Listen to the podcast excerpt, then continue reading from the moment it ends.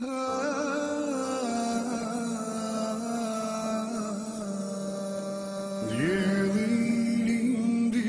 elde adit Orban kat zbrast imbriçoj Në malë lartë trimat janë gjithë Shkollë Alhamdulillah Rabbil Alamin, العالمين wassalamu ala nabina Muhammed, wa ala alihi wa ashabi ajma'in, thumma ima ba'd. Nama je ostalo još nešto vezano za a, propise akike, a, kao pitanje kako računati sedmi dan nakon rođenja djeteta. Jer često se postavlja pitanje, djete je rođeno tad i tad, kada je akika. Islamski učinjaci imaju podijeljena mišljenja u vezi s tim kako se računa sedmi dan. Jedni ubrajaju dan u kome je djete rođeno, drugi taj dan ne ubrajaju, treći prave razliku između toga da li je dijete rođeno a prije zore ili poslije zore. U svakom slučaju, najispravnije mišljenje da se taj dan ubraja u svakom slučaju. Znači, dok je dijete rođeno prije zalaska sunca, taj se dan ubraja. Rođeno dijete petkom prije džume ili posle džume, ali u svakom slučaju prije akšama, a kika će biti narednog četvrtka. Znači, broji se petak, subota, nedelja, ponedjeljak, utorak, srijeda, četvrtak, sedmi dan taj dan, znači u kome je djete rođeno, taj se dan broji.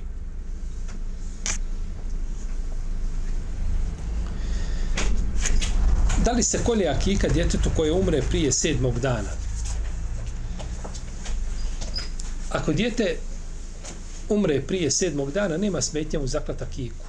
Tim prije, jer hadisi koji govore o propisima akike nisu napravili razliku između djeteta koji umre prije sedmog dana i u drugim vremenima. A ako umre poslije sedmog dana, onda svakako treba zaklata kiku. Znači, ako umre poslije sedmog dana, onda svakako treba, jer je, jeli, to je vrijeme akike, a kazali smo da kada god da se zakolje ovaj kurban za novorođenče, da je time roditelj ili staratelj izvršio svoju obavezu. Da li je ispravno kupiti dvije ovce u mesnici koje, ću, koje su izaklane, znači i da budu na mjesto akike? Jer je lakše to jednostavnije nego kući klati, ne znam, guliti ovce, tako, pripremati. Kupim dvije ovce i namijenim za akiku. Nije ispravno tako postupati. Zato što prilikom klanja akike treba nijet. Znači, svaka žrtva ima svoj nijet žrtva koja se kolje, je tako, za kurban ima svoj nijet. Žrtva koja se kolje, kolje za hačski kurban ima svoj nijet. Žrtva koja se kolje djetetu ima svoj nijet. I druge žrtve koje se kolju, znači imaju svoj nijet. Tako. Pa i pagani kad su klali onim kipovima žrtva imali su šta? Imali su nijet. I ne može to čovjek uraditi bez nijeta. Zbog čega kolješ tu? Ponekad je nijet šta? Meso, da čovjek uzme sebi nešto od mesa, nešto zamrzne, ostavi, jel tako? Uglavnom ima nijet. Pa ovdje je nijet bio, znači, potpuno nešto drugo, a nije bio ovaj akika. I čak da je bio akika, nije akika za šta? Za tu? Za to novorođenče. Nego je za... Jel,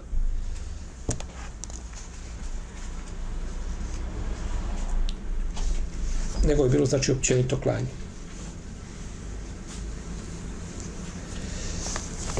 Ako se ljudi nađu u teškoj situaciji u jednom podneblju, je li preče podijeliti u protuvrijednosti a, vrijednost znači akike ili je bolje zaklati akiku i pozvati ljude? Bolje je čovjeku da zakolje akiku. Bolje je da zakolje šta? Akiku. Jer je to sunnet poslanika, sallallahu sallame, i on je, to je vrednije od, znači, klanja akike.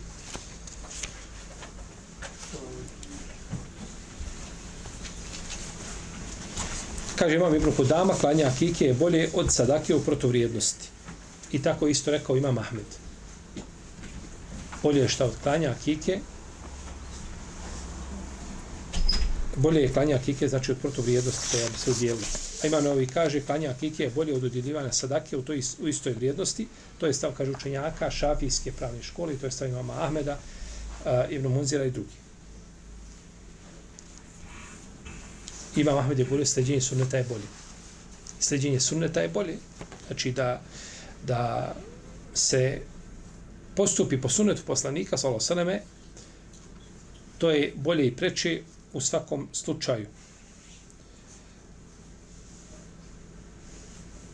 I u drugim vremenima, tako, ne smeta da ovaj da muslimani budu da nemaju ovaj osnovna sredstva i da neko ženi se ide napravi svadbu to nije suprotno. Od uvijek je muslimana bilo koji su bili tako ovaj, u teškoj situaciji. Nikada nije jel tako ovaj, Eh, zabilježeno da je ili muslimani u jednoj zemlji u teškoj situaciji smiju se muslimani u drugoj zemlji veseliti na Bajram? Smiju ili ne smiju? Ili će tugovati? Bajram je da se vesele ljudi. To ne znači da se neko što je Bajram i veseli u protivnom ne bi nikada bilo slavljena Bajram od vremena kako su počeli fitneti umetu Muhameda sa do današnjeg dana, uvijek je bilo fitneta. Ne bi nikad bilo Bajrama i slavlja na Bajram. I veselja. Oni koji su u rahatluku, oni se mogu veseliti, gledaju da pomognu svojoj braći shodno njihovim mogućnostima koliko mogu, a nikako se ne vesele zlu koje je zadesilo šta? Muslimani.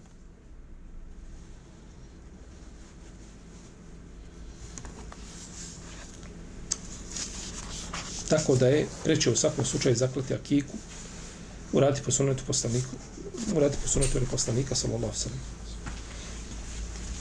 Imamo nekoliko različitih propisa vezani za dijete. Ukoliko jedan od roditelja prihvati islam, da li će se dijete smatrati muslimanom? Imamo hršćane, jevreje, nije bitno, budiste, i jedan od roditelja prihvati islam. Šta je s djetetom?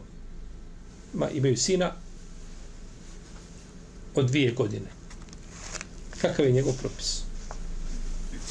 Ako oba roditelja prihvate islam, onda je pitanje jasno. Dijete je musliman. Sledi roditelje.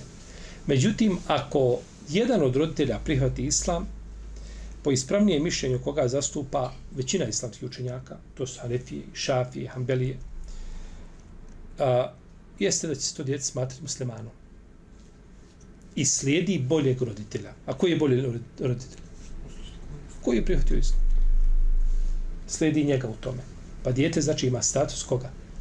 Hanefije imaju ovdje posebnu jednu analizu, jednu posebnu podjelu između Darul Harbi, Darul Islam i tako dalje. Uglavnom, ono što je poznato tako od većine učenjaka jeste da dijete slijedi šta boljeg roditelja u tom, u tom pogledu.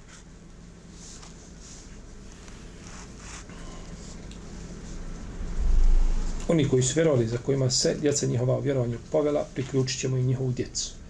Dijete je malo, znači vezano za boljeg roditelja i u tome je njemu korist, pa će se smatrati muslimanom.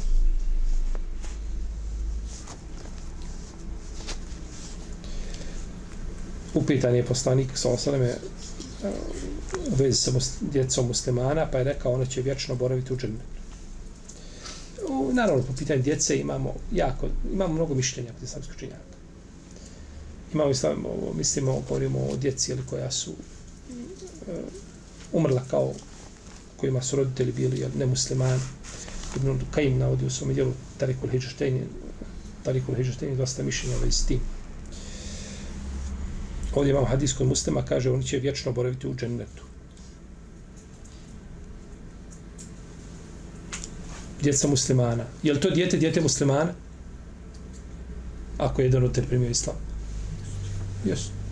I nije napravljena razlika u hadisima ako je jedan roditelj ovakav, drugi ovakav, onakav je. To je, to je ovaj, to je pitanje pitanje se tiče znači da je jedan od roditelja znači musliman. Da je jedan od roditelja musliman i on će imati taj, on će imati taj propis.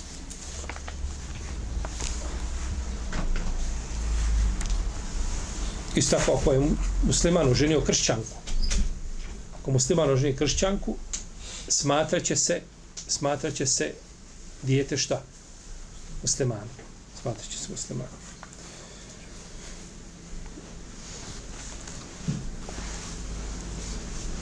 Kako se čisti mokraća djeteta koja dospije na odjeću čovjeka? Kako se čisti? Islamski učinjaci se ne razilaze u pogledu toga da je mokraća čovjeka nečista. I mokraća muškog i ženskog djeteta koji se hrani običajnom hranom.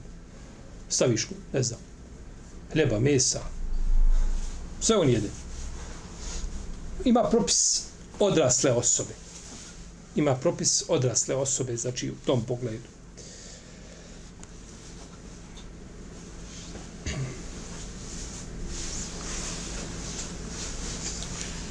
Međutim, što se tiče dojenčeta, tu postoji jedan poseban propis. Kod većine učenjaka je mokraća dojenčeta nečista. Ta je mokraća nečista kao mokraća jer muškog ženskog djeteta. Ali postoji olakšica u pogledu čišćenja. Postoji olakšica u pogledu čišćenja, znači. Pa je kod većine učinjaka dovoljno poprskati to mjesto vodom na koje je pomokrilo muško dijete, dok je dužnost oprati mjesto na koje se dospjela mokraća ženskog djeteta.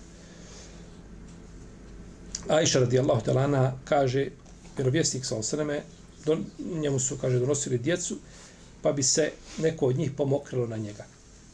Pa jedne prilike, kaže, donesen dječak koji se pomokrio po njegovoj odjeći, kaže, on je zatražio vode i samo poprskao po tom mjestu je dospela modić, o, mokraća, a nije pravo tu odjeću, nije pravo. I govorio je poslanik, sallallahu alaihi vseleme, kaže, prskaće se pomokraći dječaka, a opraće se odjeća na koju se pomokra djevojčica. Neki učinjaci kažu ovdje, ne znači da je odje, da je mokraća muškog djeteta šta? Čista. Nego je samo došla olakšica vezana za čišćenje i način čišćenja. A, ima neki učinjaka koji nisu blaga razilaženja postoji koji kažu da da da da je, od, da je ona mokraća ili muškog djeta čista. Međutim to je slabo mišljenje. Ispravno je da je nečista. Dobro što onda postoji razlika između muškog i ženskog djeta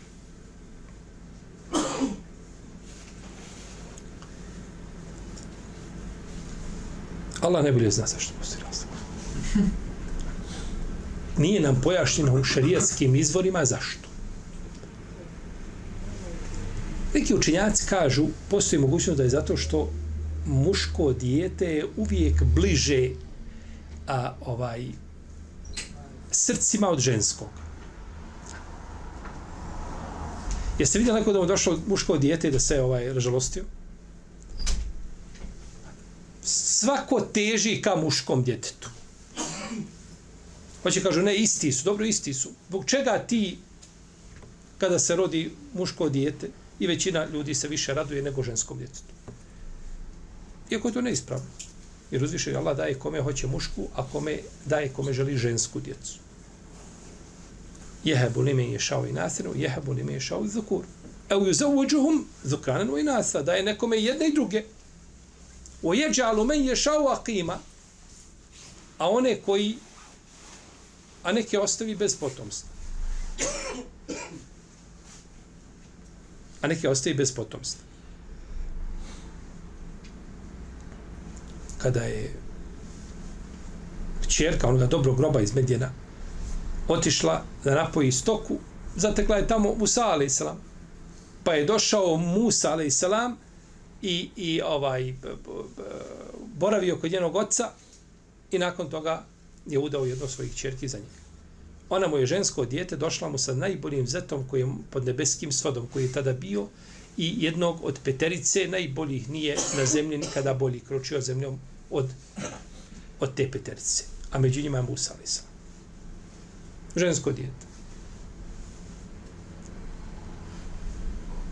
Tako da čovjek ne zna, jeli,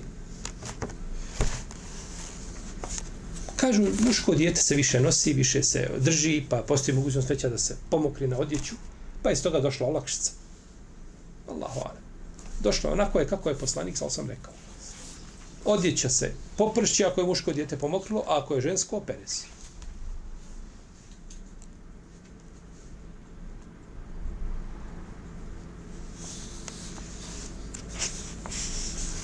Šta se smatra s tim djet, mjestom, dijelom tijela kod djeteta?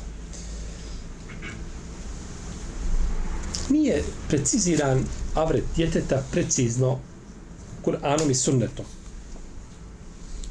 Prema mišljenju većine islamskih učenjaka, malo dijete, muško ili žensko, nema stidni dio u koji je zabranjeno gledati. Ako je malo dijete. I ovo je stav učenjaka Hanefijske, i Malikijske, i Šafijske, i Hanbelijske pravne škole. I mišljenje unutar Šafijskog mezeba jedno. Međutim, razilaze se islamski učenjaci do koje godine se smatra malim djetetom. I uvijek s tim postoje različita mišljenja. Razilaženje. Dokle je djeto djete malo? Isto tako, da li je dozvoljeno muškom djetu da koristi zlatni nakit i silenu odjeću? Malo dijete, muško ti mu lančić staviš sa mjeseci, mjeseci zvijezda. Okačiš mu navrat, kaže da se zna da je tako, kad iziđe na ulicu, Haram Baša hodaš četiri godine da se zna da je to musliman, jer ima mjesec i zvijezdu i to je još zlatno. Znači nije...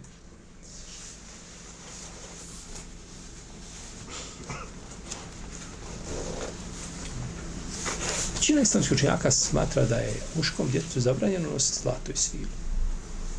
Iako nije šerijatski obaveznik dijete, dijete nije šerijatski obaveznik do punoljestva, po ispravnom mišljenju. Ali to se tiče njegovih roditelja. Ono što je zabranjeno, je tako, ne smije čovjek ustupiti nekome ko nije šerijatski obaveznik. Ti ne smiješ uzeti doneti pivo, kršćani i kazati. Pije. Iako on, šeri, on je obaveznik šerijetski sa te strane, jel? Ne smiješ uraditi, ne smiješ priuštiti nešto nekome što je tebi zabranjeno. imaš ti nešto što je haram. Imaš ti meso koje nije propisno. Životinja nije propisno umrtvljena. Ti kažeš, ja to ne jedem, ja jedem samo ono što je halal, što je po propisu. Ali umre komšija, jede sve. On ne gleda to, on na to ne gleda. Ja ću to njemu dati, ne smiješ mu dati. Pa je zabranjeno roditelju da dijete, jeli, ovaj, Jer je poslanik rekao sa zlato i sila su zabranjeni muškarcima moga umeta. Je rekao malim, velikim muškarcima. A dozvoljeni ženama. I ko bude nosio svilu na ome svijetu, neće nositi na onome svijetu. Biće mu uskraćena tamo. Pored grijeha koji ima, nije samo to kazna. Tamo će mu biti uskraćeno. Kao i čovjek koji ovdje bude konzumirao alkohol, neće ga konzumirati šta? Na ahiretu. Neće konzumirati ahiretski alkohol od koga ne boli klava i koji ne uzima razum čovjeka. A nije to jedina kazna. Koliko bi se ti alkoholičara zadovoljilo tom kaznom? Pa nema veze, ima drugi blagodati. On mora biti nužno. Bitno je ovdje da on je tako da se ne odvaja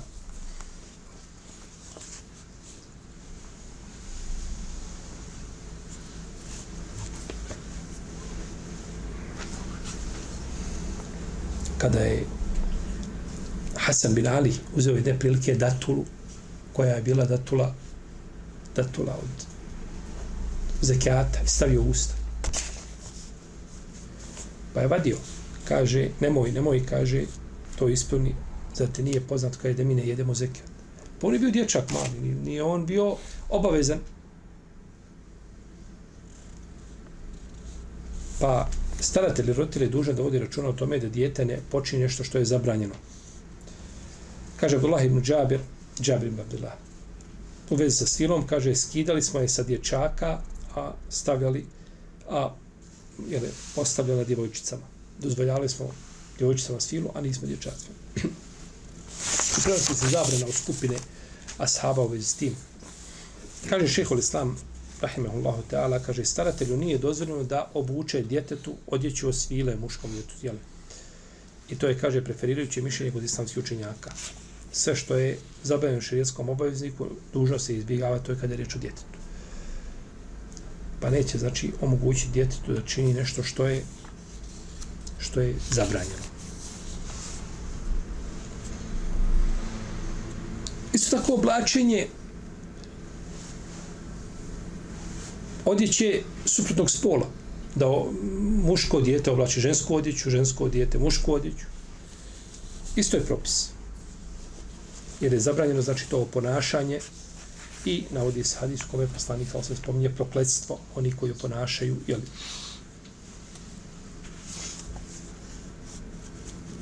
suprotan spol.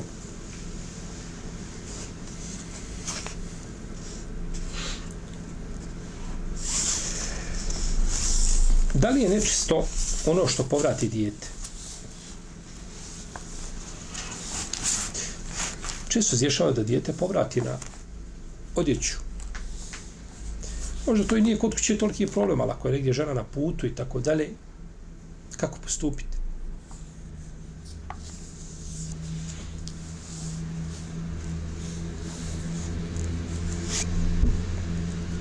Ukoliko bi ta bljubotina promijenila miris svoj, ili boju. Ona bi bila nečista, prema mišljenju većine islamskih učenjaka. Znači, ako duže vremena boravi u želucu pojelo dijete jelo, nakon to duže vremena povrati, a ako ne dođe do te promjene, onda je čista, prema mišljenju malikijskih učenjaka. I to je ispravnije. Znači da to bude nekakva granica, ako je to promijenilo miris, neprijatan miris, to što je povratilo dijete, e onda bi bilo, jel, nečisto. Tad bi bilo u tom slučaju bilo dovoljno, ako nije promijenilo miris, ništa samo obrisati to malo, jel tako, vlažnim maramicama ili čim sličnim, oprati malo vodom i slično tome. A ako bi bilo duže, onda bi se morala čistoća ukloniti pranje. Nije ispravan hadis u kome je poslanik sa osam rekao Amaru, kaže, odjeća se pere od petero izmeta, izmeta mokraće, ljuvotine, krvi i sperme. Taj hadis nije ispravan. Nije vjerodostojno.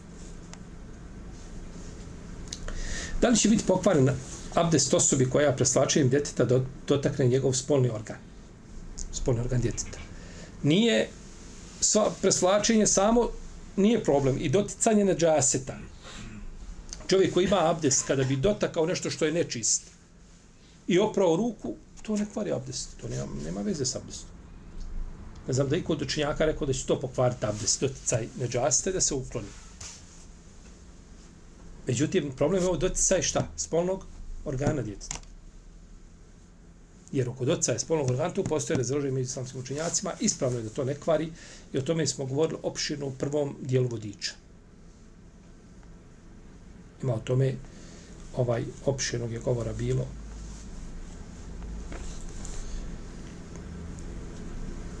Ezan koji prouči malo muško dijete. Ljudi se iskupili u kući, klanjaju tu. Aj kaže Mohamede, prušam ezan. Mohamed ima 8 godina, 7 godina i prouči jezan. Prema mišljenju većine islamskih učenjaka, učenje tog ezana je ispravno. Učenje ezana je ispravno. I to je stav hanefijski šafijski većine hanbelijskih pravnika. Malik ibn Huvairis kaže, rekao je poslanik, sam, ovaj, kada nastupi namasko vrijeme, neka vam prouči jedan od vas ezan i neka vas predvodi najučeniji među vama. Pa nije napravljena razlika u vezi sa starostnom dobijem. Tako da je da je to dozvoljeno, kaže imam Ibn Munzir, da je Abdullah bin Ebu Bekar Ansari učio kao maloljetnik, maloljetnik jezanu, prisutan Nesa ibn Malika. A on nije osudio taj postupak. A on nije osudio taj postupak. Isto je pitanje predvođenja džemata. Se predvodi džemat.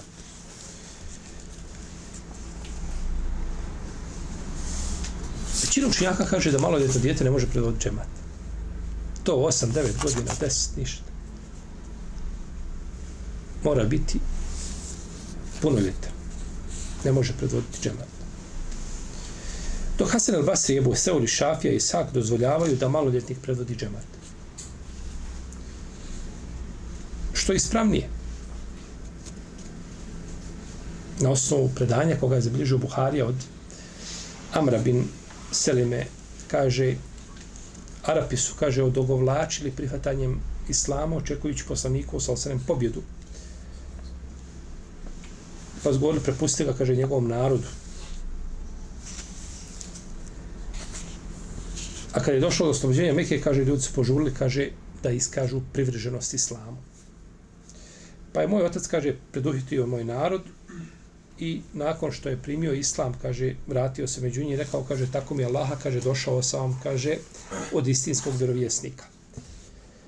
Kaže, klanjajte taj taj namaz u to i to i vrijeme, kaže, a kada nastupi namazsko vrijeme, kaže, neka od vas jedan prouči jezan i neka vam klanja imam, ona koje, onaj koji najviše, neka bude imam, onaj koji najviše zna Kur'ana na pamet.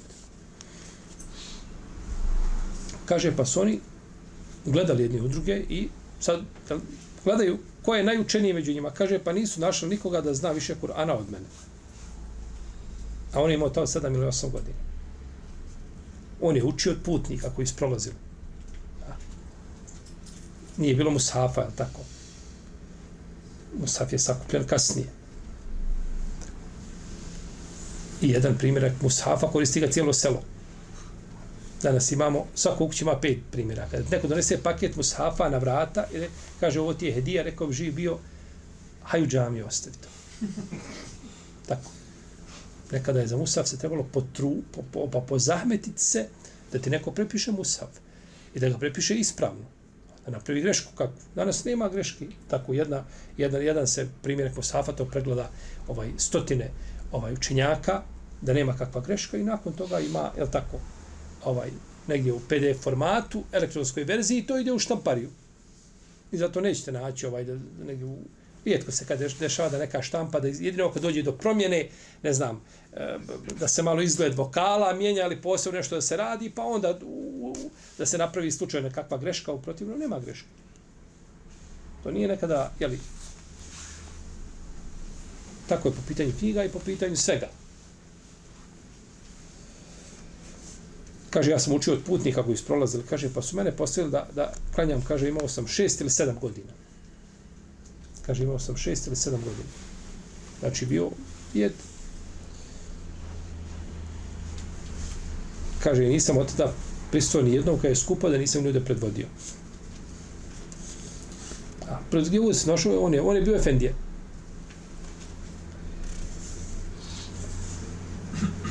Pa se jedne prilike imao neke, ono, ono, odjeću koja je bila tijesna, pa se otkrivalo, pa kažu, poklijte, kaže, avret vaše karije, žene govori. Karija vam, kaže, vidim savret, pa kaže, pa su mi kupili jednu, kaže, lijep, jednu lijepo džube. Nisam se, kaže, nišao mi čao, išao avret od tog džube. Pa je nakon toga mogao rahat predvoditi ljudi. Pa je dozvoljeno ako zna ispravno učiti, zna propise naravno, mora znači propise se i sežde kad će učiniti ako pogriješi da ispravno uči, tako da je dozvoljeno da predvodi, iako dijele, dijete je bilo malo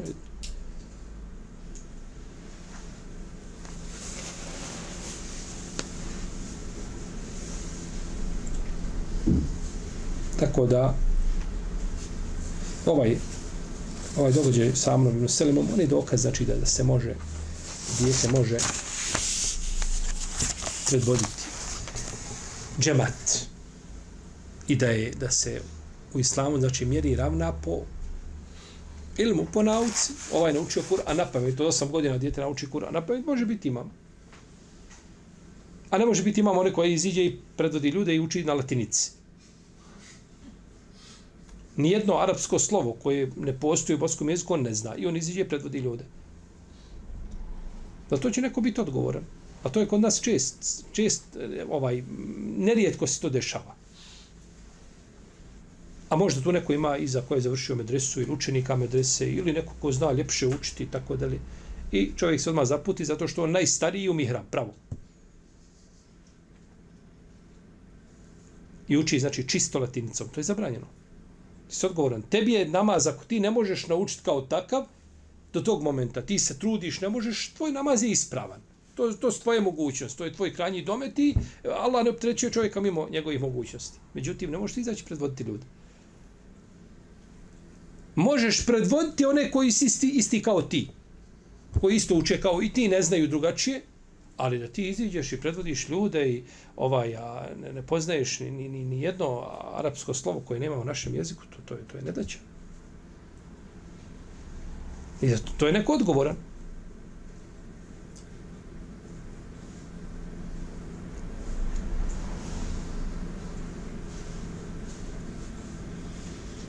Dobro. Nastavit ćemo, imamo još nešto propisa vezani za djecu, pa ćemo nastaviti u narodnom predavanju, pa ćemo to završiti. Allah ta'ala, sallallahu alaihi wa sallam, wa ala alihi wa sallam.